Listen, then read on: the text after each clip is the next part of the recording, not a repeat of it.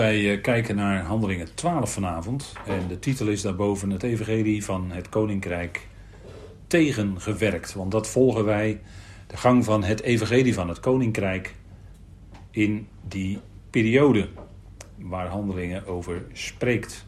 En dat is een hele weg. Vandaar dat ik elke keer dit plaatje ook heb van die.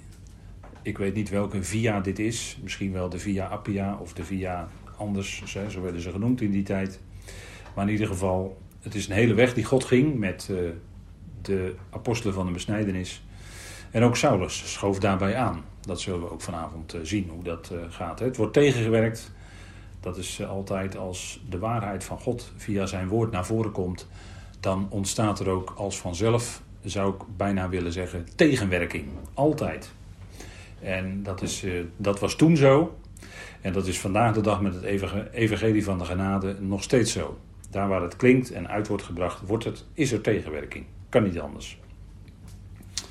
Een overzichtje van dit hoofdstuk, maar we kunnen vanavond niet het hele hoofdstuk bespreken. Dat, uh, dat lukt gewoon niet.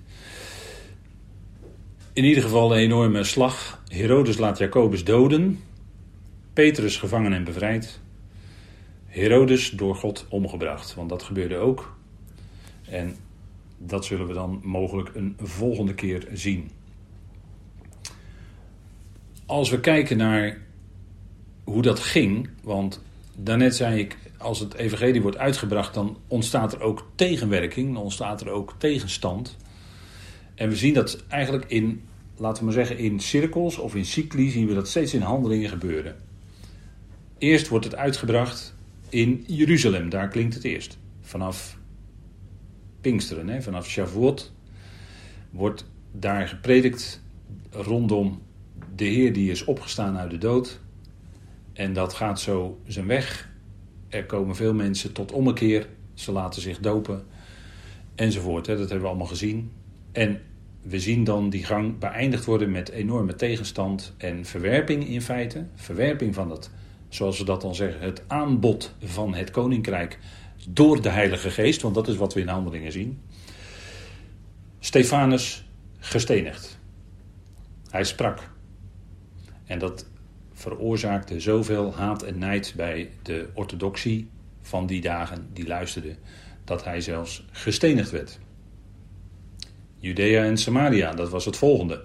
De Heer had tegen zijn discipelen apostelen gezegd: Jullie zullen mijn getuigen zijn in geheel Jeruzalem, Judea en Samaria en tot het uiterste van het land. En dat zien we ook in stappen gebeuren in handelingen.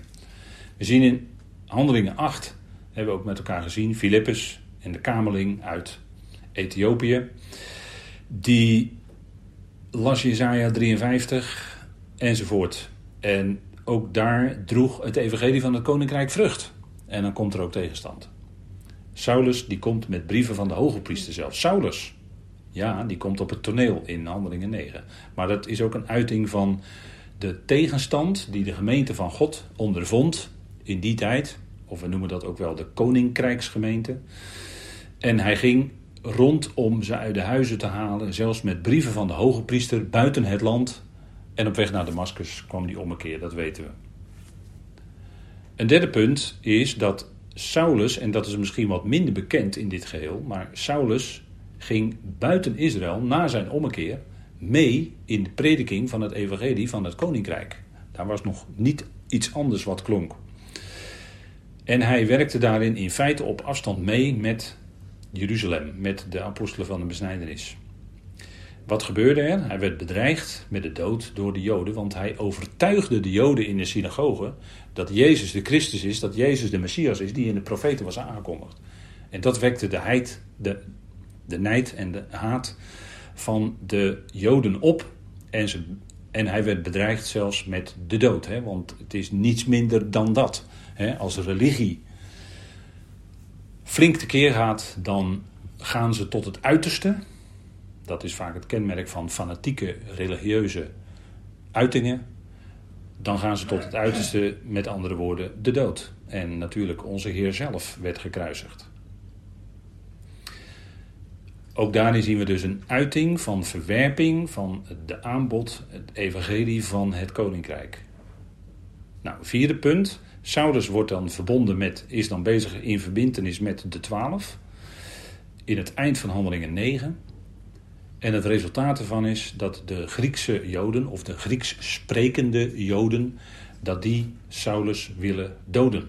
Dus je ziet hier dat in stappen Saulus meewerkte in de prediking van het evangelie van het koninkrijk. dat is die dubbele bediening, waar we dan wel eens, zeggen we dan wel eens tussendoor. De dubbele bediening die Saulus blijkt te hebben. Enerzijds is hij medewerker in het evangelie van het koninkrijk. Spreekt hij ook over bijvoorbeeld in Romeinen 15.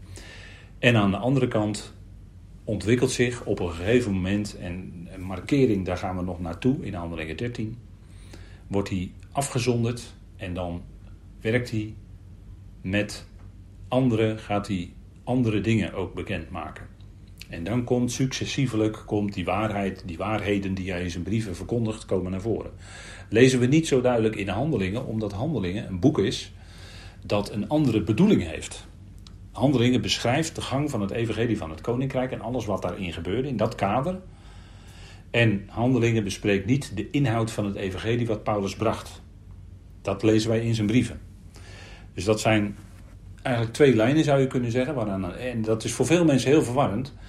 Maar Saulus Paulus was aan de ene kant bezig, meewerkend met de apostelen van de besnijdenis in het evangelie van het koninkrijk. En anderzijds liet God hem zien, je hebt een eigen uniek evangelie, wat je gaat verkondigen en wat een andere uitroeping teweeg gaat brengen dan Israël voor het koninkrijk.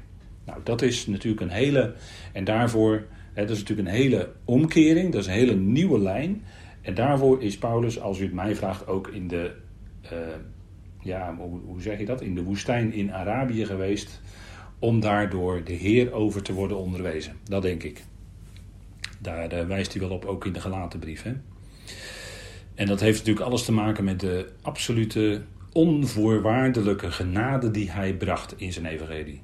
Dat was voor Joodse mensen nieuw, uniek. Kon eigenlijk niet. En dat wekt dan ook de haat op hè, van de religieuzen. Griekse sprekende Joden willen Saulus doden. En dan het vijfde punt, en daar zijn we nu aanbeland. Petrus ging naar Caesarea, naar Cornelius, een proseliet van de poort. Een proseliet van de poort. Was geen pure heiden, om het zo maar te zeggen. Geen afgodendienaar. Maar hij was al proseliet. Hij was al genaderd tot de God van Israël. Dus er was bij Cornelius en die andere proselieten van de poort... was al sprake van geloof in de God van Israël. En daar ging Petrus naartoe om die boodschap van het koninkrijk, dat evangelie van het koninkrijk te brengen. En dat brengt wat teweeg daar.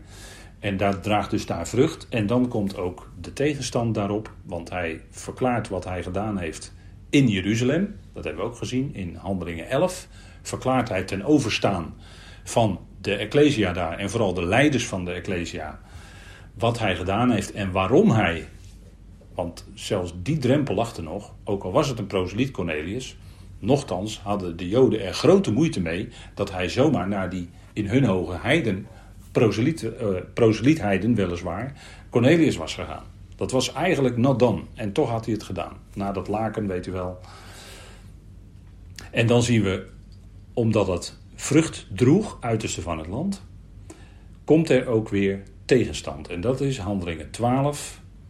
En daar lezen we dus het einde van Jacobus. Petrus wordt gevangen genomen en Herodes sterft. Nou, dat is uh, waar handelingen 12 over gaat. Hè? Dus dan zijn we weer even, dan ziet u even dat het steeds dus in cirkels gaat. En we zitten dus nu op een punt dat er weer tegenstand ontstaat. En dat zullen we in de loop van handelingen steeds gaan zien. Dat er steeds succes is, vrucht is op prediking. En dan ontstaat er tegenstand. Dat, dat keert steeds terug. Dus dan zitten we nu in handelingen 12. En daar zien we in vers 1 in die periode dan legde Herodes de koning de hand aan sommigen van de gemeente om hen kwaad te doen. Dus de koninkrijksgemeente die kwam onder druk te staan door toedoen van Herodes. En dan was die familie Herodes, dat waren niet zulke aardige lui, om het zo maar te zeggen. Uh, allereerst, het was het, het Edomiet? Ze, waren heersers in Idumea, ze werden ook Idumeërs genoemd. Maar hij was eigenlijk van origine een Edomiet. Een Edomitisch huis was het. En Herodes de Grote, daarover, uh, we komen verschillende Herodesen tegen. En er waren er nog meer, maar dit is de belangrijkste die wij in de schrift tegengekomen. En die heb ik toch even voor u op een rijtje gezet. Allereerst Herodes de Grote, waarover we lezen in Matthäus 2 vers 1. Maar dat moet u dan zelf later op een later moment nog maar eens teruglezen. Dan hadden we, dat was de zoon van Herodes, Herodes Antipas. En die wordt genoemd in Matthäus 14. En bij die Herodes uh, gebeurde dat afschuwelijke gebeuren dat uh, Johannes de Doper werd onthoofd hè, door toedoen van Herodias. Uh, en dat had niet zo'n geweldige achtergrond. Herodia, Herodias was getrouwd, eigenlijk, wat eigenlijk de vrouw van zijn broer was. Aristobulus, geloof ik. En daar, met die vrouw was hij getrouwd, maar dat was eigenlijk niet in de haak. En Johannes die wees daarop, terecht, die wees dat aan. Dat, is, dat mag je niet doen, Herodes, dat is niet goed. Dat klopt niet. En dat was hij zich natuurlijk wel bewust. En Herodias, Herodias zorgde ervoor op een hele slinkse wijze dat Johannes de Doper onthoofd werd. En zo werd daar een stuk profeet, hè, werd een profeet, werd een getuigenis ontnomen. En dan wordt ook genoemd Herodes Agrippa de Eerste. En dat was dan eigenlijk een neef van Antipas. Was geen zoon, maar een neef van Antipas. En die wordt genoemd hier in Handelingen 12, vers 1. En later krijg je dan in Handelingen nog een Herodes Agrippa. Alleen die wordt daar alleen Agrippa genoemd in de tekst. Maar ze heten allemaal Herodes. En Herodes, dat betekent eigenlijk eh, heldhaftig. Nou, zo heldhaftig waren ze niet. Ze wisten wel op allerlei eh, terreinen op, vaak op, laten we maar zeggen, handige manier hun gebied te vergroten. En Agrippa, dat betekent, zegt men ook iets dergelijks, uh, iets van heldhaftig, maar het kan ook uh, ja, mogelijk naar iets anders buigen. Maar goed, Agrippa tweede, die wordt alleen Agrippa genoemd. En dat waren vier vorsten. Hè, dat wordt dan wel eens genoemd, hè, een viervorst. En een viervorst had dan een gedeelte van het gebied wat dan door de keizer werd toegewezen. En die stond dan weer op een. Ja, soms wordt het in oudere vertaling wordt misschien het woord tetrarch gebruikt. En dat is dan het Griekse woord, maar dat betekent gewoon viervorst. En dan, je had ook uh, heersers in het Rijk, in het uh, Romeinse Rijk, die een. Dat waren dan die waren dan etnarch en die hadden dan een hogere positie. Die, hadden dan, die waren, de naam zegt het al, die waren dan heerser over een heel volk of een heel gebied.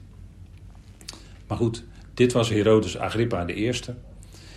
En die wilde eigenlijk de Joden, want hij had wel door dat die nieuwe beweging die op gang was gekomen door de toedoen van Petrus en de andere apostelen, dat daar een hele nieuwe beweging was ontstaan en dat daar in tussen, uh, ja, dat het eigenlijk kwaad bloed zette bij, bij het Sanhedrin. En daar wilde je graag toch bij in een goed blaadje blijven. Want ja, als je die Joden tegen je kreeg, was dat heel lastig. We hebben ook natuurlijk, uh, je ziet ook die oorlogen van de Maccabeeën. Nou, dat was uh, niet niks. Dus als die Joden in opstand kwamen, dan had dat heel wat, bracht dat heel wat teweeg binnen het Romeinse Rijk. Dus die Herodes die probeerde op deze manier, uh, in een, in, politiek gezien, in een goed blaadje te blijven bij het Sanhedrin, hè, bij, de, bij de orthodoxe Joden. En hij wilde ze eigenlijk vleien door die gemeente, die ecclesia die ontstond, om die kwaad aan te doen. En dat, dat is een beetje de achtergrond van deze, wat hier in handelingen staat. En die tegenstand, zou je kunnen zeggen, is ook een heenwijzing naar iets in de toekomst. En dat zullen we nog zien. Herodes die kwam op het toneel. En dat was niet zomaar, maar dat was ook tegelijkertijd profetisch. Een profetisch iets van wat in de toekomst in volheid gaat gebeuren. En we lezen dan in Handelingen 2. Hij nu liet Jacobus, de broer van Johannes, met het zwaard terechtstellen. En waarschijnlijk, hè, dat woord terechtstellen, uh, waarschijnlijk was dat gewoon net als, of nou gewoon niet, maar net als bij Johannes de Doper, uh, onthoofding. En ja, dat was in dat Romeinse Rijk, want het Romeinse Rijk kenmerkt zich door hardheid. Hè. Dat was een hele harde heerschappij. En uh, men deinsde er niet voor terug om iemand gewoon te onthoofden, zelfs. Jacobus, je zou kunnen zeggen een martelaar vanwege zijn geloof. Want hij vervolgde de gemeente, hij vervolgde degenen die van Jezus zijn, van, van die weg. En hier moest Jacobus dus sterven in feite vanwege zijn geloof. Hij is een van de martelaren. En dat is natuurlijk toch, hè, als je dat met je leven moet bekopen, dat is heel wat. Dat is heel wat. En zo zijn er daarna natuurlijk nog echt wel heel wat meer gegaan. En Jacobus, want we zien hier ook een rijtje Jacobussen staan. Daar zijn verschillende van in de schrift te onderscheiden. En vandaar dat ze ook op een bepaalde manier aangeduid worden. Deze Jacobus is de discipel of apostel en hij was een van de zonen van Zebedeus. Oftewel zonen des donders, weet u wel. En uh, hun moeder die kwam op een gegeven moment ook bij de Heer. En die vroeg: Ja, Heer, zullen mijn uh, zoons zullen die nu aan uw rechterhand of aan uw linkerhand zitten wanneer u koning bent in uw koninkrijk? u, kent die, uh, u kent dat stukje wel, hè? En toen zei de Heer dat, hij, dat het anders lag. En dat is een hele les. Kijk, de Heer zei: ik ben niet gekomen om te heersen over jullie, maar ik ben gekomen om te dienen. En om mijn ziel te geven als losgeld of losprijs voor velen. Eh, dus het gaat niet om het heersen, dat maakt hij aan die, aan die moeder van de zonen van Zebedeus duidelijk. Het gaat niet om het heersen, maar het gaat om het dienen. Dat is veel belangrijker. Dan ben je groter dan iemand die heerst. Zonen des donders, misschien wel een aanduiding van hun onstuimige karakter. Dat ze, hè, Johannes die liep tenslotte samen met Petrus naar het graf van de Heer. Toen ze iets hadden gemerkt, dat er misschien iets bijzonders was gebeurd. En als je dan, handelen, of als je dan Johannes 20 en 21 leest, dan zie je dat ze naar dat graf toe lopen. En dan zit je eigenlijk een beetje in spanning. Wie is er nou het eerste bij het graf? Dus Johannes had ook wel, net als Peter zegt wat het een haantje de voorste, maar Johannes, zoon des donders, die kon er ook wel wat van. Zoon van Zebedeus. Dan had je nog Jacobus, de zoon van Alfeus. Die wordt ook genoemd bij de discipelen of apostelen. En om hem te onderscheiden van die anderen werd hij zoon van Alfeus. Er werd er dan bijgezegd. Of Jacobus, de zoon van Judas. Die in Handelingen 1, vers 13 ook bij de apostelen wordt genoemd. Bij dat rijtje. Dus dat waren allemaal verschillende Jacobussen. En dan had je nog later, die wordt wel eerder genoemd, maar die komt vooral later in handelingen naar voren. Jacobus, de broer, en eigenlijk moet ik dan natuurlijk, heel, als ik heel strikt ben, moet ik zeggen de halfbroer van de Heer Jezus.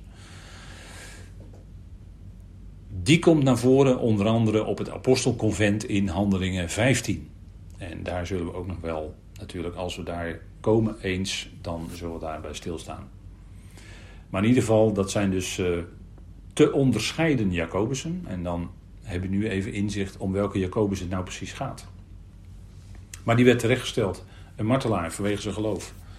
En soms denk je wel eens, als er nou echt verdrukking, als er nu echt verdrukking zou komen vanwege ons geloof. Nu, hier in Nederland. Hoe, dan zit je wel zo te denken, hoe reageer je dan? Hoe reageer je dan? Als het echt, als het echt, als het echt erop aankomt, hè? Hoe reageer je dan? Je zegt u, ja, dat weet ik niet. Bidden om kracht op dat moment. Dat de Heer je de kracht geeft om ook in die situatie eronder te kunnen blijven staan, zeggen we altijd. Eronder te kunnen blijven in ieder geval. Dat is heel wat hoor. Want als je echt onder druk komt te staan. soms wordt er wel eens gezegd, hè, in dagelijks leven onder druk wordt alles vloeibaar. Maar als het nou gaat om ons en ons geloof. Ik weet het niet. Ik denk ook, dat u dat zelf, ja, dat is voor ieder persoonlijk. En zo worden bijvoorbeeld in de openbaring worden er heel wat genoemd. Hè? Kijk, die, wat, wat is nou zo'n zo'n geschiedenis? Hè? Dan denk je, nou, dat is eigenlijk een droog stuk verslaggeving van Lucas in de handelingen. Maar het wijst ook naar iets. Hè? Kijk, Herodes, wat we eigenlijk zien, Herodes was een Edomiet. En u weet, Esau is Edom. Hè? Esau werd Edom genoemd. En Esau was de broer van Jacob. En hier komen we Jacobus tegen. Dus wat is hier aan de hand? In feite de aloude strijd, zou ik willen zeggen, tussen Esau en Jacob. De tweelingbroers. waarvan gezegd werd van tevoren: de grote zal de mindere dienen. En toen waren ze nog niet geboren hoor. Dus toen hadden ze nog niks goeds of verkeerds kunnen doen. En toen werd al gezegd dat Esau ondergeschikt zou zijn aan Jacob. Waarom? Nou, omdat God het bepaalt. Dat is niet zo moeilijk antwoord op te geven hoor. Waarom was dat zo? Omdat God, God het zo bepaald had. Die had van tevoren gezegd tegen Rebecca. En zo zou het ook zijn. Romeinen 9, heel duidelijk, hè? dat is Gods keuze. En dan kunnen wij niet. God kiest uit. Dat is ook in deze tijd zo. God kiest uit. En daar kunnen we het eens moeilijk mee hebben, want wij zouden graag willen. Ik hoef niet verder nog iets te zeggen. Wij zouden graag willen bepalen wie door God uitgekozen worden. Natuurlijk.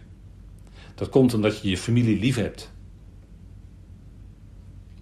Maar God bepaalt.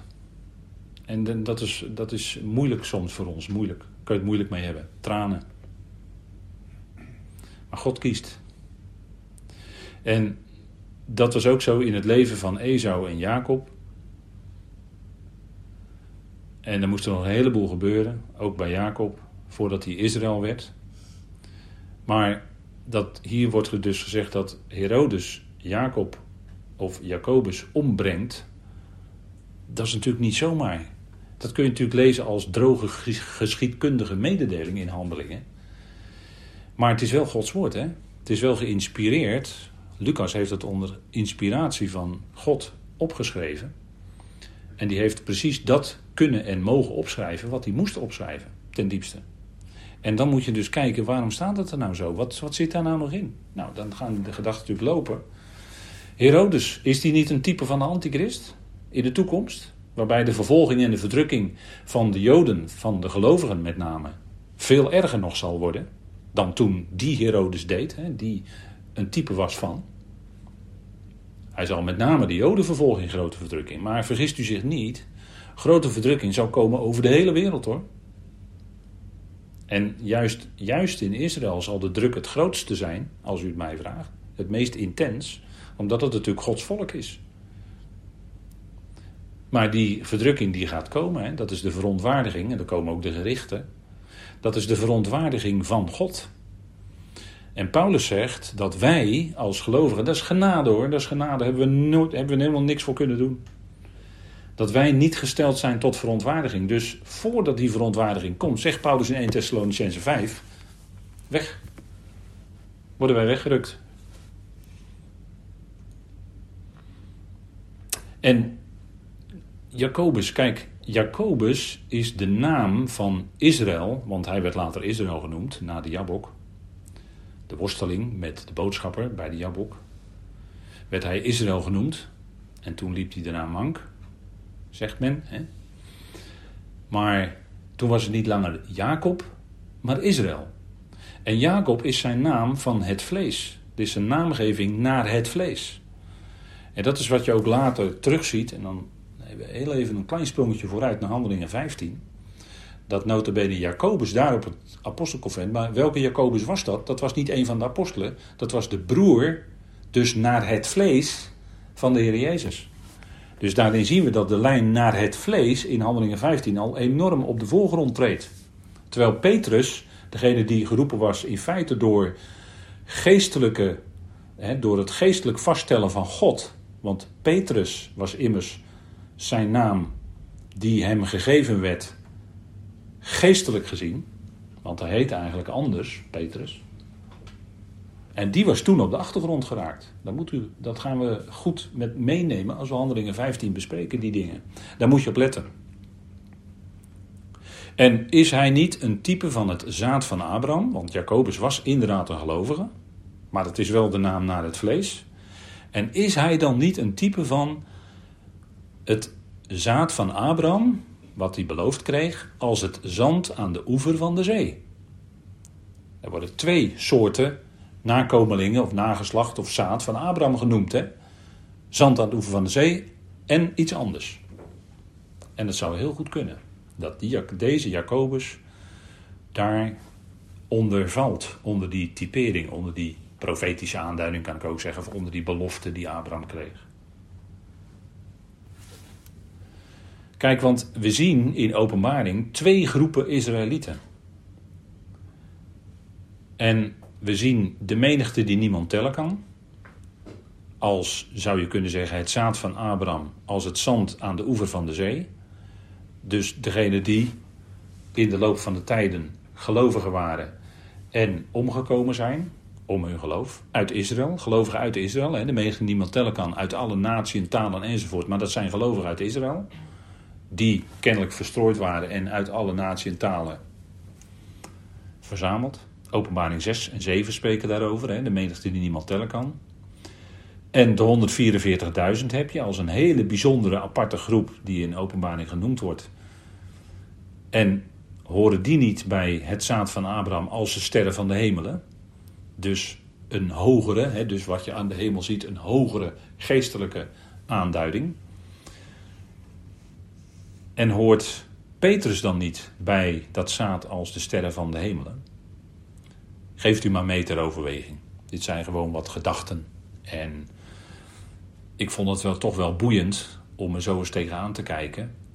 Wat het nou typeert, hè? die Jacobus zien we in, in, in eh, Handelingen 12. En we zien ook Petrus in Handelingen 12. En we zien met Petrus dan iets anders gebeuren dan met Jacobus. Maar in ieder geval Jacobus, één van die martelaren zou je kunnen zeggen, om zijn geloof. En misschien wel een van die menigte die niemand tellen kan. En waarvan de zielen ook gezien worden onder het altaar. dat bloed, hebben we gezien bij die verbreking van die zegels in openbaring 6. Dat die, die zielen die roepen, en het is eigenlijk het bloed dat roept van de aardbodem, het bloed van de martelaren, om vergelding, om wraak. En dat gaat dan ook komen. En Jacobus is een van die martelaren. Dat, dat kun je daar, die, die, die kun je daar zo onderscharen. Ook omgekomen vanwege zijn geloof. Omgekomen vanwege het woord van God, hè, zegt de openbaring dan, en het getuigenis van Jezus. Omgekomen, woord van God, getuigenis van Jezus. Denk toch bijzonder, hè? Dan gaan we naar vers 3. Waargenomen hebben dan dat het wel gevallig was voor de Joden, ging hij voort ook Petrus te grijpen. Het waren nu de dagen van de ongezuurde broden. Matzot, de, de, de ongezuurde broden, dat was direct na Pesach. Het Pesach was natuurlijk ook een hoogtij in een hoogtijdag in de kalender van Israël, die ingesteld was uh, bij de uittocht uit Egypte. Pesach, en dat was op de 14e, de 14e Nisan, waarin dat uh, lammetje geslacht moest worden. En dat was natuurlijk een heenwijzing naar hij die het lam van God zou zijn. En die ook op de 14e Nisan gekruisigd werd en gedood werd. En daarna heb je dan het feest van de ongezuurde. Dat wordt in de Bijbel ook wel genoemd het feest van Pesach. Dus dat was wat direct daarna volgde, de 15e tot de 21e Nissan, de eerste maand van het jaar. Die maanden werden ook, ten tijde van die uittocht, werden die maanden ook een half jaar opgeschoven. En zo werd Nissan of Aviv werd dan de eerste van de maanden. En op de 15e tot de 21e van de maand was het het feest van de ongezuurde, Matzot. En dat is natuurlijk een heenwijzing naar de toekomst, waarin niet alleen de Heer zou opstaan, want die stond op hè, op de 16e Nisan. Dat was natuurlijk heel bijzonder in die week dat hij gekruisigd werd. Vielen er twee sabbatten, zou je kunnen zeggen, naast, na elkaar, hè, direct na elkaar. De grote jaarsabbat, dat was de 15e. Die werd gerekend als een grote jaarsabbat. En de 16e Nisan, dat was een normale weeksabbat. En op die 16e is de Heer opgestaan. En dat klopt allemaal precies met alle uitdrukkingen die in de schrift staan. Of het nu in het Hebreeuws is, of in het Grieks, of in het Latijn. Die verschillende soorten uitdrukkingen worden gebruikt. En het klopt allemaal perfect in zijn woord. De 16e Nisan is hij opgewekt. Als eerste, en daar, dat is natuurlijk het ongezuurde, hè, want toen was de zonde weggedaan. Het zuurdesem moest uit de huizen van de Joden weggedaan worden. Als voorbereiding op het feest van de ongezuurde. Dat was natuurlijk niet voor niks. Maar dat is natuurlijk een heenwijzing naar de Messias die later zou komen als het lam van God. Die het zuurdesem zou wegdoen, die de zonde zou wegdoen. Natuurlijk, daar heeft het mee te maken. En zuurdesem, ja, als we het daarover hebben, dan uh, zei de Heer natuurlijk ook: waakt u voor het zuurdesem. Want we hebben het over Herodes trouwens. Hè? Waakt u voor het zuurdesem van de Herodianen. Nou, dat was die groep binnen Israël. Die via politieke weg, via Herodes, waar aanhangers van Herodes, van het huis van Herodes. Die via politieke weg laten we maar zeggen, een betere situatie wilde creëren. Of misschien wel het koninkrijk teweeg wilde brengen of wat dan ook. Hè. Dat, uh, dat kun je vergelijken met nu christenen in de politiek. Of mag ik dat niet zo hardop zeggen hier? Ja, ik heb het nou toch al gezegd. Hè. Die knippen we eruit. Maar dat kun je mee vergelijken. En je had ook het zuurdesem van de fariseeën. Waarvan, waarvoor de Heer ook ernstig tegen waarschuwde. Hè. Het zuurdesem van de fariseeën, dat was de orthodoxie. Dat waren de preciezen. Dat waren de preciezen. De orthodoxen. Die heel precies bijhielden of je wel de tiende betaalde. Ook van de dillen en van de komijnen enzovoort. Ja, zelf, uh, nou ja, u weet het wel hè. Het zuurdesem van de fariseeën. En oh ja, je had ook nog het zuurdesem van de Sadduceeën. En dat waren zeg maar de, ja, de, wat we nu zouden zeggen, de, de vrijzinnigen van deze tijd. Van, u weet wel, van uh, ja, wat, wat er allemaal gezegd is en geschreven staat, dat is wel waar, maar het is niet echt gebeurd. Zo op die manier, hè. En ja, dan heb je, wie heb je dan? Uh, Karel en Nico, geloof ik, hè. Die, uh, en...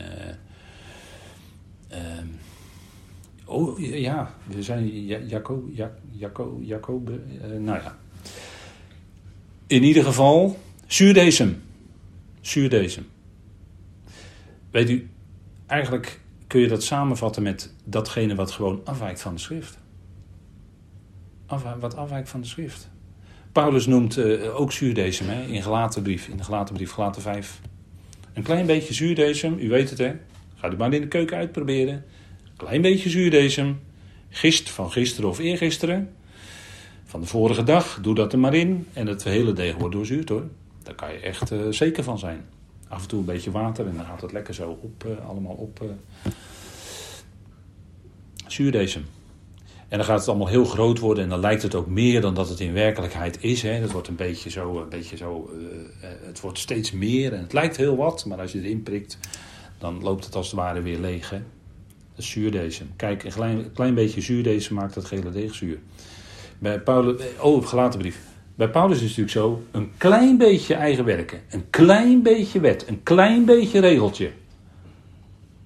En alles wordt ermee doorzuurd. Want weet u wat de wet doet in de praktijk? Heersen. Weet u wat de regels die gesteld worden doen in de praktijk? Die gaan heersen. Want dan ga je steeds naar die regels kijken. Voldoe ik wel aan die regel? Voldoe ik wel aan die regel? De genade haalt daar een dikke streep doorheen. De genade bij Paulus die stelt geen enkele voorwaarde, maar dan ook geen enkele. Helemaal niets. Helemaal vrij van zuurdesem. Helemaal vrij. Ongezuurd. En het is natuurlijk ook een beeld van zonde. Hè? Het is niet alleen een beeld van afwijkende leer, maar ook een beeld van zonde. Waarover Paulus natuurlijk ook spreekt in 1 Korinthe 5, een geval van enorme hoererij in de gemeente, in, in, in de Korinthe gemeente. En dan zegt hij, doe, doe, dat, zuur, doe dat zuurdesem of doe die zuurdesem uit jullie midden weg. Dat is het ook, hè. Maar dat is het volgen, kijk, dat is het volgen van het woord. Dat is volgen van de schrift wat we doen. We, we streven geen eigen leringen na of eigen filosofietjes na. Wij willen de schriften volgen. En wat staat geschreven? Daarnaar kijken. En, en dat is heel gezond. Want weet u, als je de schriften volgt, en in deze tijd geldt het evangelie van de apostel Paulus, dan verdwijnt zuurdesem op alle mogelijke manieren. Dat verdwijnt gewoon. Gaat weg. Dan wordt het gezond. Dan wordt het zuiver.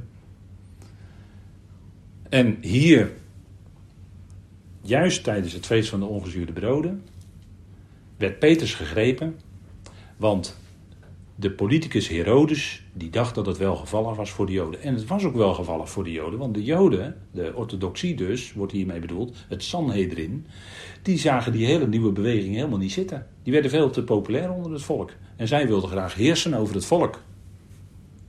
Dat, was natuurlijk dat wekte natuurlijk de nijd op. En dat mocht dan ook niet meer gepredikt worden. Hè. Ze werden tegen ze gezegd van jullie mogen niet meer prediken. En de volgende dag gingen ze gewoon mee prediken natuurlijk. Want dan gaat het natuurlijk gewoon door. Ik bedoel, dat maakt niet uit. Gods woord is niet gebonden. Dat gaat gewoon door. God zorgt er zelf wel voor. En ze konden ook niet meer zwijgen natuurlijk, hè, die apostelen. Opgestane Heer, ze hadden hem gezien, ze hadden hem getast, ze hadden hem gehoord, 40 dagen lang. Die opgestane Heer, ja, daar konden ze natuurlijk niet meer van zwijgen. Dat gaat natuurlijk niet. En nu werd Petrus gegrepen. En Petrus, dat was zijn geestelijke naam. Kijk maar in Johannes 1, vers 42, daar staat dat. Dat Simon, tegen Simon zei de Heer toen hij hem riep. Zei hij, jij bent Kefas. En er staat erbij, die ook wordt genoemd Petrus. Dus hij kreeg daar een andere naam.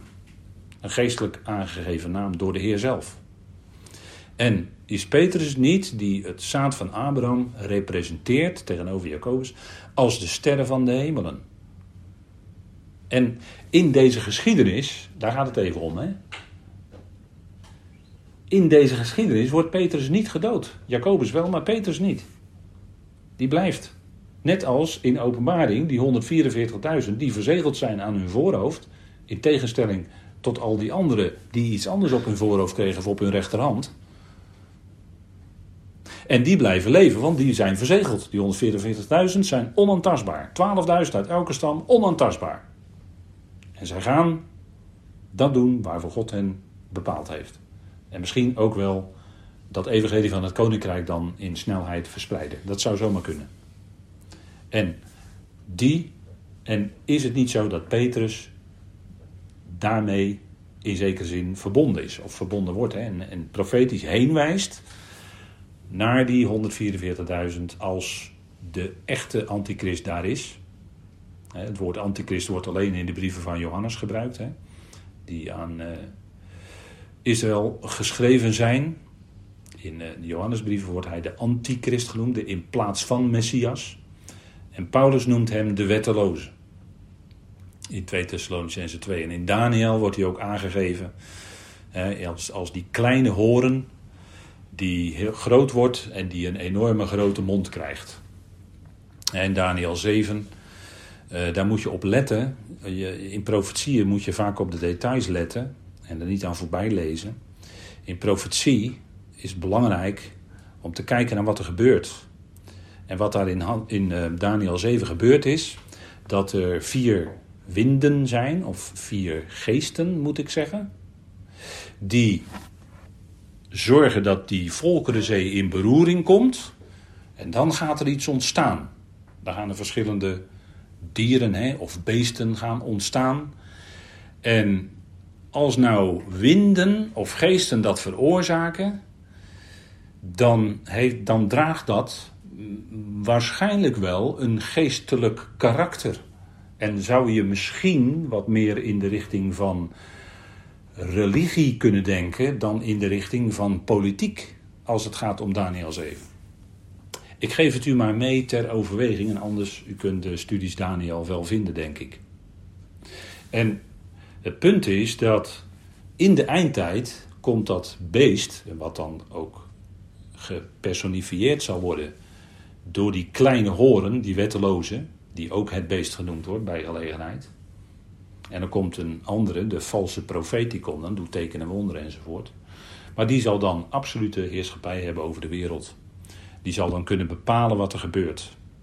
En dat heeft niet alleen een politiek, maar dat heeft ook een geestelijk karakter, een religieus karakter. Want iedereen zal nog gedwongen. Openbaring 13, dan zitten we in het tempelgedeelte van openbaring. En dan gaat het om de aanbidding van het beest en het beeld van het beest. Het gaat om aanbidding, religie dus. En in dat kader, openbaring 13, wordt dat beest, dat verschrikkelijke, allesverscheurende, vernietigende beest, wat alles verstampt en aan gruzelementen enzovoort, wordt daar zo aangeduid. Openbaring 13. Lees het maar na. Daar gaat het om aanbidding. Daar gaat het om religie dus. En de Heer zal de aarde ook verlossen van die valse religie van de eindtijd. Want die gaat komen hoor. Dat is ook wel allemaal voorbereid. Allemaal voorbereid. En we zien de contouren in onze dagen. En dat zal alleen maar gaan toenemen. Het zal alleen maar gaan toenemen. Vergist u zich niet. We gaan niet terug naar het, naar het oude normaal van 2019. Vergist u zich niet hoor. Dat komt niet meer terug. Kan ook niet. Er is al voor, te veel te veel voor gebeurd. Dat kan ook niet meer terugkomen. Nee, we gaan, we gaan toe naar dit op de rechterhand het voorhoofd. Hoeft niet, het is niet om bang voor te worden, helemaal niet. Daar zeg ik het ook helemaal niet voor. Je ziet het alleen gebeuren, daar zeg ik het voor. Je ziet het gebeuren. Je ziet de stappen die gezet worden in die richting. Het gebeurt gewoon allemaal.